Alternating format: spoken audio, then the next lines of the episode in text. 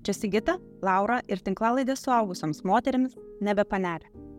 Šiandien mes kalbiname vieną kitą apie projektą, amžių ir gyvenimą. Ar pastebėjai pokytį savo gyvenime po 40? O, nežinau, kada aš pradėjau pastebėti pokyčius savo gyvenime. Aš tai manau, kad aš tos pokyčius stebėjau visą gyvenimą. Jis visą laiką keitėsi. Ir gal pats ryškiausias pokytis tai man buvo ne 40, kokiu 35 ar 36, bet tai buvo labiau susijęs su gyvenimo aplinkybėm, negu su kažkokiais tai vidiniais dalykais ar savijautos dalykais. Ar buvo jausmas, kad tu pereini kažkokį kitą gyvenimo etapą? Jo, aš tikrai perėjau kitą gyvenimo etapą, nes mečiau darbo holintis, maždaug 35 metų aktyviai, aš tikrai laikau save darboholikė, turėjau įmonę, vadovavau žmonių kolektyvui Ir iš tikrųjų 35-36 aš pradėjau jausti, kad man to kapitalinio remonto reikės, turiu galvoje sveikatos dalykus.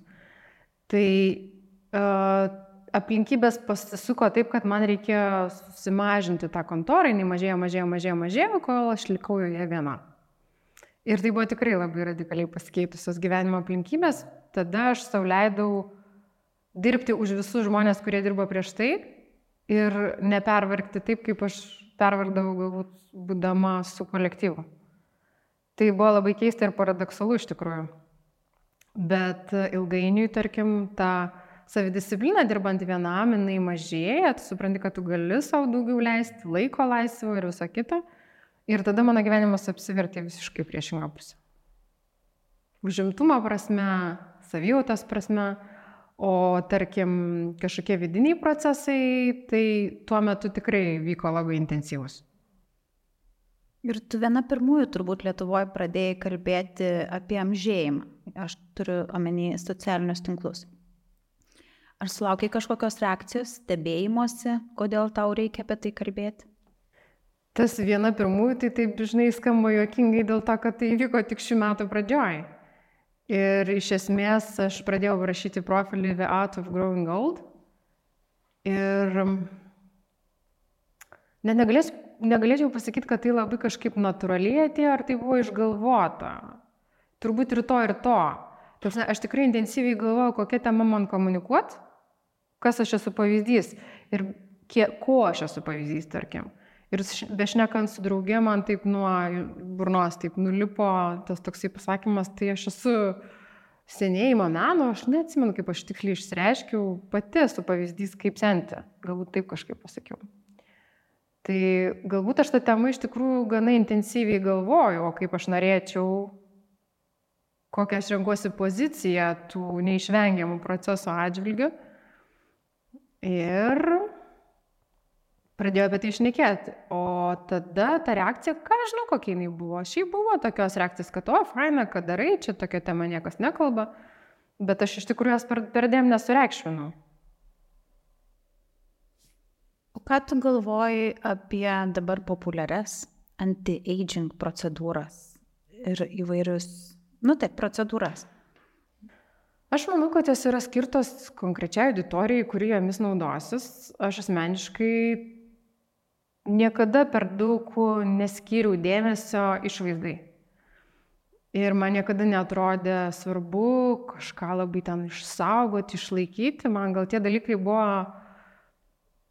natūralūs ir turbūt aš labiau norėjau dirbti su savo santykiu su tais dalykais, negu su, su pačiais tais faktais, kad kažkokios ten rauklės atsiranda, plaukai žyla ar dar kažkas. Tai Tai aš tikiu, kad yra žmonių, kuriem to reikia, kuriem tai yra labai svarbu ir jie to naudosis, o aš asmeniškai tai nejaučiu tokio poreikio. Koks tavo manimu yra visuomenės požiūris į netekėjusią moterį virš 40? Ar yra dar stereotipų sklandančių apie senmergės? Šiaip tai turėčiau sakyti, kad aš neturiu žalio supratimo, koks yra visuomenės požiūris, nes man susidaro įspūdis, kad žmonės, kai šneka apie visuomenę, jie tiesiog tarsi kažkoks tai yra jų vidinis balsas, kuriam jie oponuoja, bet aš nesu, man jokia visuomenė tikrai nėra išsakiusi savo požiūrio. Ir aš neturiu žalio supratimo, koks jis iš tikrųjų yra. Aš galėčiau sakyti, kad aš įsivaizduoju, kokie yra stereotipai, bet aš nežinau, ar tai yra visuomenės požiūris. Kokie yra stereotipai tavo manimu? Stereotipai gal yra tokie, tokie gal, kad jinai tokia gal nesugyvenama, kad jos niekas nepasirinko, galbūt tokie. Kad jai, kad čia kažkaip nepasisekė, ar kad vyras yra kažkaip labai būtinas.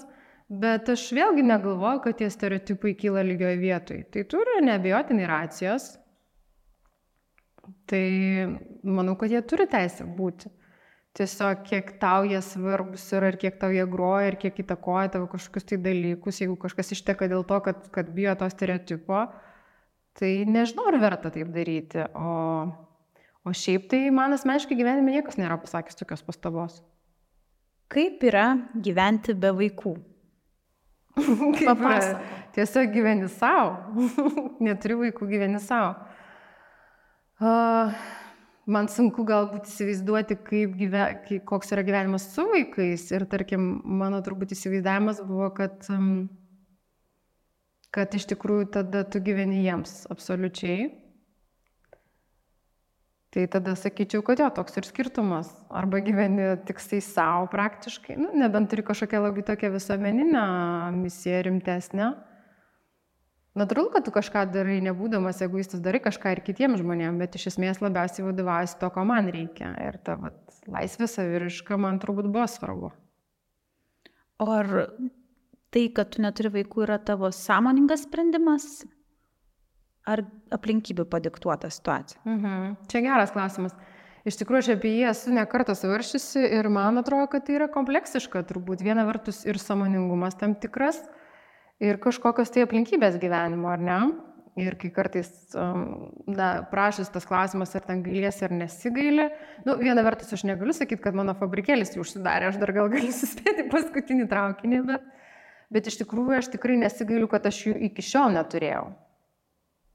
Ar aš galėsiu kažkada, jeigu aš nuspręsiu jų neturėti, ar savų, ar ne savų vaikų, tarkim, tai man sunku pasakyti. Bet kalbant apie vaikų klausimą plačiau, tai mm, kartais gal kažkam atrodo, kad jo yra arba arba, arba tu nenori, arba tu negali. Tai mano atveju nei tai, nei tai. Taip, tiksliau, aš nežinau, ar aš galiu, nes aš niekada nebandžiau. Aš užaugau tokiu metu, kai uh, jaunai merginai prisidirbti vaikų, tai reiškia susigadinti gyvenimą. Ir sakyčiau, va šitas stereotipas mane turbūt gal paveikė labiau negu kažkokie kiti. Ir kita vertus, um, mano vaikystė tai nebuvo labai psichologiškai lengva. Man atrodė, kad mano mamai mane vieną auginti labai sunku yra. Ir tai turbūt mane atgrasė nuo, nuo, tarkim, vaikų turėjimo kažkokiam jaunam amžiui, kuris laikytinas deramų turėti vaikų, ar ne? Nes po to tiesiog galbūt yra kažkokių tai rizikų, pristaikymo, sudėtingumų ir taip toliau. Bet tai nereiškia, kad aš kažkaip galvoju, kad vaikų neturėti yra labai čia gerai ir vienareišmiškai, ta prasme, na, šitoje vietoje aš pasakyčiau taip, kad yra ir trūkumų, ir privalumų. Yra gerai turėti vaikų ir, ir gerai jų ir neturėti. Kaip įsivaizduoji savo gyvenimą po 20 metų? Turbūt, kad neįsivaizduoju, nors šiaip bent jau nesistengiu įsivaizduoti.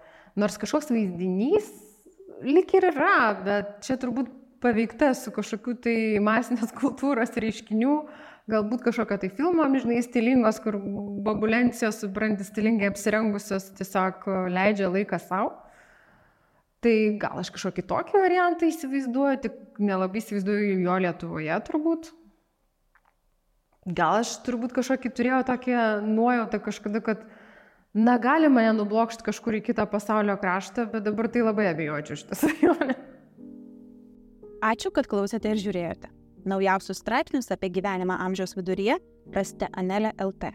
Kasdien su mumis bendrauti galite Instagram ir Facebook. Tinklalaidžių įrašus rasite YouTube ir visose populiariausiose tinklalaidžių platformose.